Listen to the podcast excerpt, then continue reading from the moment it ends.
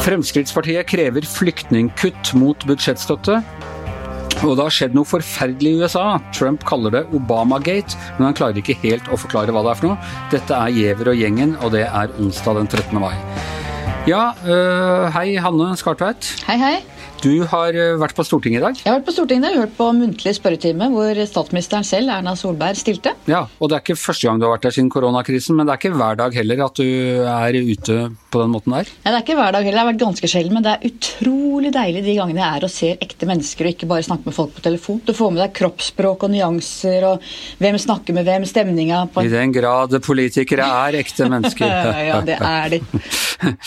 men hvordan er det på Stortinget? Er det mye folk? Og... Ja, i dag når jeg spørretimen er jo veldig fullt. Da er det vandrehallen, er det journalister, kameraer, eh, salen er full. Holder de avstand? Ja, bortimot. Jeg skulle snakke litt med statsministeren, fikk beskjed om å holde meg litt lenger unna, for jeg, var, jeg glemte meg litt. Ja. Men, uh, Fikk du beskjed av henne, eller av rådgiveren? Eh, Litt mer avstand ja. her, takk. Ja. ja. De rådgiverne til statsministeren de kan jo feie for egen dør, men uh... Ja, ikke sant. Nei, men det er veldig deilig å være der nede. og Det, er, det koker litt i vandrehallen. ikke sant? Så kommer Jonas Gahr Støre ut, og det er A-laget. ikke sant? Trygve Slagsvold Vedum. Det er partilederne som da stiller statsministeren til veggs. Og det er gøy. Du, det var en episode på Stortinget i går av, av den typen som egentlig ikke betyr all verden, men som skaper mye uh, føss. Og vi kan, kan høre på dette klippet her. Det fokuset representanten Tybring-Gjedde har, er problemfokus. Det fokuset Jeg foreslår vel kanskje at representanten blir stående til jeg er ferdig å svare? Ja, der gikk Tybring-Gjedde. Han ble såra av vondbråten, for å si det på stortingsk. For det Ine Søreide sa.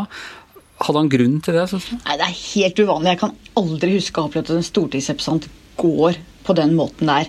Det gikk en kule varmt mellom de to. De var skarpe begge to mot hverandre. Det mener jeg stortingspolitikere skal tåle. Så nei, jeg må si at dette var ganske spesielt. Og det, altså det som gikk forut, var at han hadde, han hadde liksom bora litt på om hun var stolt av at vi hadde tatt imot øh, flest flyktninger i Europa, eller hvordan det var. Og så, etter at han hadde bora litt på det, øh, og, og, ikke syntes han fikk ordentlig svar, så øh, sa han altså at selv om hun bodde i et område med mange innvandrere, så satt hun bare på kafé og skjønte ikke hvordan vanlige folk hadde. Og da var det hun ble litt skarpere i, i tonen og sa at hun hadde nok et litt annet forhold til folk fra andre steder enn det han er, og da ble han fornærma gikk.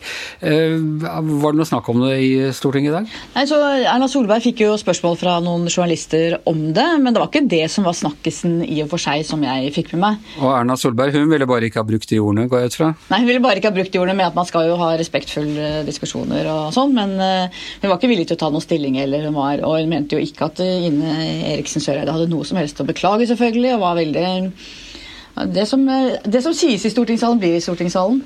Ikke helt, da. Men det derre altså det, Stortinget, det er full, det er jo flere regler enn Frimurerlosjen. Det derre å gå når du har stilt et spørsmål til en statsråd, og så gå uh, mens statsråden ennå står og svarer, er det er det sånn som kan bli borgerkrig av, eller er det helt greit? Det blir, det blir, i hvert fall påpakning fra presidenten. Og den som satt og presiderte over Stortinget i går, var jo Tybring-Gjeddes partifelle Morten Wold, som er en av visepresidentene. Så han ga sin egen partifelle Tybring-Gjedde påpakning. Så sånn kan du ikke gjøre. Du kan ikke gå mens du er midt i, i en prosess med statsråden. Det går ikke. Nei. Så systemet virker, kan vi slå fast. ja, heldigvis Anders. systemet virker. Selv om sinnene av og til er litt sårbare. Men du, for dette var på en måte naturlig å ikke se direkte sammenheng, men Fremskrittspartiet rører på seg i disse spørsmålene igjen. Vi har, ikke, vi har jo ikke diskutert verken islam eller hijab eller noe som helst på, på to måneder nå. Men nå krever Fremskrittspartiet Eh, kutt i antall flyktninger for å gi budsjettstøtte til regjeringen i et statsbudsjett jeg altså var med på å, å, lage og presentere i fjor høst. Er det rimelig, og nå tenker jeg ikke egentlig på saken i seg selv, men bare uh, å gå såpass hardt ut mot et sånt budsjett? Å gjøre sånne krav? Rimelig eller ikke, det er i hvert fall ikke overraskende. for det er klart, at Dette er jo klassisk Frp-politikk, og de trenger jo noen saker nå. De har jo gått ganske mye ned på meningsmålingene etter at de forsvant ut av regjeringen. Det som er interessant, er at før Frp gikk inn i regjering, så var det jo langt lavere tall på antall kvoteflyktninger i Norge. Jeg tror det var type 1000. Mm. Mens, mens Frp-regjering har da fått det tallet opp for å få en strammere asylpolitikk. Men det er jo de som faktisk har jekka opp det tallet, eller vært med på sitte i regjering og vært med på å jekke opp det tallet til 3000. Og nå vil de ikke ha det. Så de møter jo seg sjøl litt i døra. Dette påpekte for så vidt eh, utenriksministeren også i sitt svar til Tybring-Gjedde i går. Kan ha bidratt til eh, at han ble litt rød i toppen. Men, uh, men han beklaget jo det. Han beklaget jo sitt eget partis oppførsel i den saken. Og det ville aldri skje igjen, men det skjedde altså i seks år, da. Så, så det, var ikke, det, var ikke, akkurat liksom sånn en, en tabbe i et budsjett. Uh, hva, hva, tror du om saken som sådan? Vil, vil hun få eh, Vil regjeringen lytte til henne her? Vil hun lykkes i denne jeg vil ikke si utpressing, men med dette presset? Det tror jeg ikke. For du har jo Venstre og KrF som sitter i regjering, og som er veldig opptatt av å ha det tallet høyt oppe. Uh, og det vil jo, Den type saker er for Frp veldig ofte si, markørsaker hvor de går kraftig ut. Uh, men jeg tviler på om de vil kaste regjeringen uh, eller ikke inngå noen budsjettavtale på grunnlag av dette. Det tviler jeg på. Hvor mange flyktninger er det de, de vil barbere med? De ville vel kanskje egentlig hatt Ingen, vil jeg tro, egentlig. Men, eh, men, samtidig, Frp har jo alltid vært opptatt av at du skal ha kvoteflyktninger og ha eh, den type reguleringer på det. Ikke ha en ukontrollert asyltilstrømning. så at det egentlig så er det jo, Og de vil hjelpe nærområdene. De vil ha eh, kvoteflyktninger, som vi har, eh, så vi vet hvor mange og hvem, og det er plukket ut av FN. Og ha hjelp i nærområdene. sånn at eh, dette er jo egentlig deres politikk. Ja. Og eh, Bortsett fra når de sitter i regjering, altså. Ja, nei, Når de sitter i regjering, så vil det kvoteflyktninger. Når jeg er ute, så vil de ikke ha noen. Nei. Og hun tallfesta vel heller ikke egentlig hvor mange, mange, det skal være. Det betyr jo altså at uh, norsk politikk er på vei tilbake til normalen igjen. Uh, og det er vel tross alt et, et, godt tegn. I hvert fall på dette feltet. Vi må huske at Når det gjelder flyktning- og asylpolitikken, så har jo alltid den hovedbåndet der har jo vært mellom Høyre og Arbeiderpartiet, som sammen har stått for en streng og rettferdig og, det de selv kaller en streng og rettferdig. Ja. Flyktning- og asylpolitikk. Som, ja, og som SV syns er kald og, og menneskefiendtlig, og Fremskrittspartiet mener er totalt uh, uansvarlig. Så, ja, og som jeg og, og VG på lederplass også mener er ganske stødig og bra, egentlig. Ja. Det mener dere i VG på lederplass. Ok, du, Et sted hvor eh, politikken definitivt ikke er tilbake eh, til normalen, det er i USA. Hvor vi nå står ovenfor ja, Man har jo hatt eh, man har jo hatt Watergate og Iran-Contras-gate og jeg vet ikke hva-gate, og nå også Obama-gate. Dette er jo rart, Anders. Obama, er jo, Obama har jo vært ute av kontoret lenge. Hva, hva, er dette? Jo, nå skal vi høre Trump redegjøre, eller hvordan han redegjorde forleden for hva Obama-gate er for noe. Uh, Obamagate. It's been going on for a long time. It's been going on from before I even got elected. And it's a disgrace that it happened. And if you look at what's gone on, and if you look at now all of this information that's being released, and from what I understand, that's only the beginning. Uh, some terrible things happened, and it should never be allowed to happen in our country again and you'll be seeing what's going on over the next over the coming weeks. But I, and I wish you'd write honestly about it, but unfortunately, you choose not to do so. Yeah, John, please. Crime. What is the crime exactly that uh, you're accusing him of? You know what the crime is. The crime is very obvious to everybody. All you have to do is read the newspapers, except yours. Ja, altså, som vi hørte, Obamagate det har pågått lenge. Det har pågått fra før eh, Trump selv ble valgt, og det er en skam at det skjedde. Og hvis du ser på hva som har skjedd, og hvis du ser på det nå, så er all denne informasjonen som blir gitt ut, og ut fra det Trump forstår, så er det bare begynnelsen. Noen forferdelige ting skjedde, og det skulle aldri fått lov til å skje i landet vårt igjen. Uh, og, og, noe særlig klokere blir vi ikke, men det har jo altså da uh, utspring i at Trumps eget justisdepartement, ledet av hans håndplukkede justisminister Barr, har eh, antydet en overprøving av tiltalen mot eh, han som var den første av flere nasjonale sikkerhetsrådgivere under Trump, Michael Flynn, tidligere etterretningsgeneral.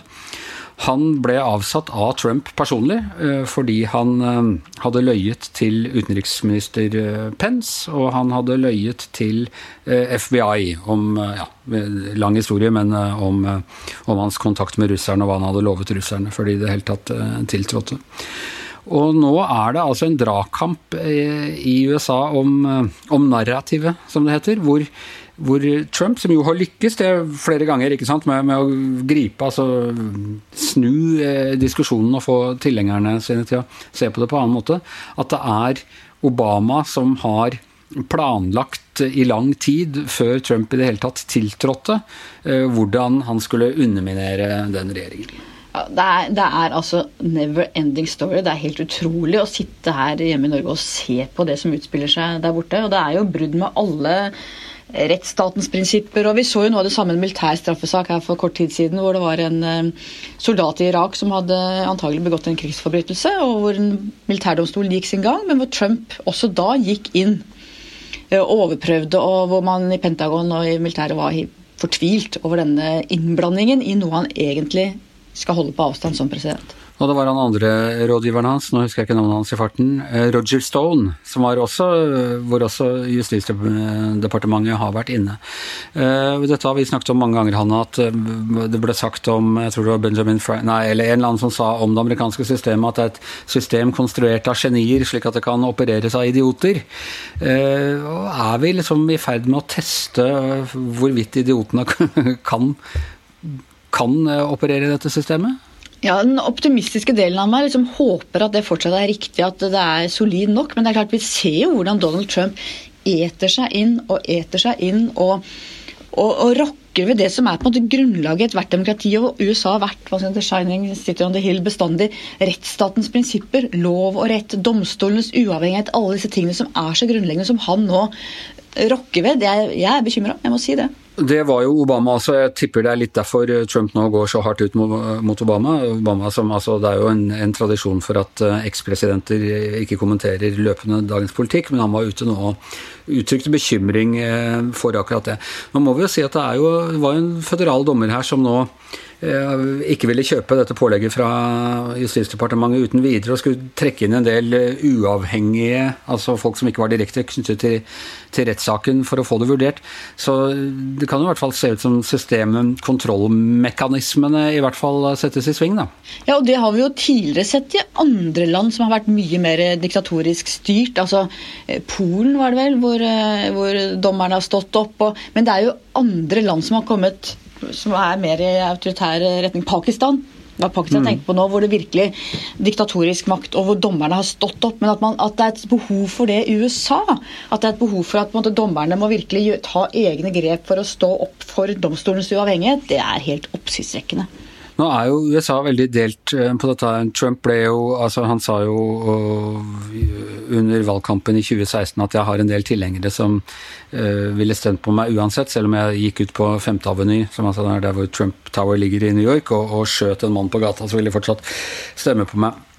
Og den gjengen de står jo med ham last og brast, og, og, dette merker jeg på mailer jeg får og, og sånne ting også. De tar da umiddelbart opp denne Obamagate, og det er den løgnaktige løgnpressen og, og den dype staten og FBI og alle sammen som er ute etter Trump. Og jeg tenker at Eh, det er jo et gamble for Trump. altså Han klarte å bli valgt, så han kan klare å bli gjenvalgt. Men han kan også tape. Marginene er ganske fine. Det var få stemmers overvekt. Han klarte ikke engang å få flertallet av stemmene. Men selv om han skulle tape, så vil jo et eh, solid del av den amerikanske velgermassen mene at det har foregått et slags eh, statskupp og den dype staten. Man har jo da underminert troen på det amerikanske systemet ganske, ganske grunnleggende for lang tid fremover? Ja, det er veldig alvorlig det som skjer. Samtidig så Det som alltid har fascinert meg med USA, er jo at, man, at de har jo de har hatt borgerkrig, de har hatt eh, sørstatene med borgerrettskampen. De har hatt veldig mange tilbakeslag hvor de har gått i veldig gal retning. Internering av japanere under annen verdenskrig. Men de tar seg alltid inn igjen. De har en egen evne til å være et selvkorrigerende system. Og det er det vi må, vi som er så glad i USA, det er det vi må håpe på nå. At dette er en periode som man vil se tilbake på som en mørk og dyster, men at USA kommer tilbake til seg sjøl. Men både du og jeg vi var ganske begeistret for Barack Obama, særlig da under hele valgkampen han oppsto, hele den måten han kommuniserte på, og den måten han liksom presenterte de amerikanske verdiene, rimte godt med, med våre forestillinger.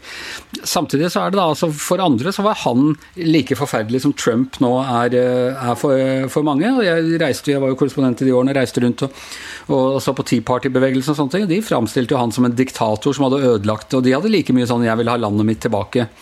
som, som Springsteen og co. holdt på med under, under, Bush. Så det er litt sånn annenhver gang. Ok, tar du åtte år med Obama, da må du ha åtte år med, med Trump etterpå. De er litt sånn bipolare på det der. Ja, og det har jo blitt veldig mye mer polarisert. Jeg bodde der fra 04 til 07, det er jo nå ca. 100 år siden. Og da husker jeg da intervjuet jeg bl.a. Richard Luger, nå avdød, som var republikaner. Veldig solid, og han sa, han sa den gangen altså 13-14 år siden, at, eh, at USA eh, Velgerne er i midten. sa Nå er vi veldig veldig polariserte, men velgerne er i midten. Vi kommer til å komme tilbake dit. Han hadde jo bl.a. laget et stort samarbeidsprosjekt med Sam Nunn, som var demokrat, for å sikre alle de gamle atomvåpnene i det gamle Sovjetunionen. Det var et bipartisan, altså et tverrpolitisk samarbeid som kanskje ikke ville vært mulig i dag, men som var mulig da. Og han trodde man ville komme tilbake til eh, mer normale tilstander. Vi kan jo fortsatt håpe, vi òg, selv om det har gått mange år. Men det, eh, det virkelig radikale Trump har fått til, altså alle det er mange, og det, Obama ble jo valgt bl.a. fordi hele venstresiden av partiet hadde en slags tro på ham, som de, de mista litt etter hvert. altså De mer sånn Bernie Sanders-aktige eh, velgerne. Ronald Reagan ble valgt på en koalisjon av, av eh, folk på ytterste høyresiden og, og, gikk mot sentrum. Det Trumps politiske geni har jo vært at han har klart Han ble valgt på, med støtte fra utsiden, eller fra høyresiden av partiet, og har klart å holde på dem. Og, og, klart å vise at det går faktisk an. De kan være akkurat store nok i de avgjørende vippestatene til at han ble valgt, og dermed også gjenvalgt. Men det spennende nå er jo å se hvordan koronaens løp går videre i USA. Og i hvilken grad, hvis det fortsetter like ille som det er nå, i hvilken grad det vil slå tilbake på valgkampen. Ja, og ikke minst følgefeilene av koronaen, nemlig, nemlig, økonomien. Det blir forferdelig spennende, Hanne. Jeg følte at vi egentlig kunne bare sitte her og prate fram til 4.11 eh, om dette, men, eh, men, anledningen vil by seg igjen. Ja, det tror jeg helt sikkert. Så eh, da uh, erklærer vi Giæver og gjengen for avslutt i dag. Uh, hvert sitt hjemmestudio.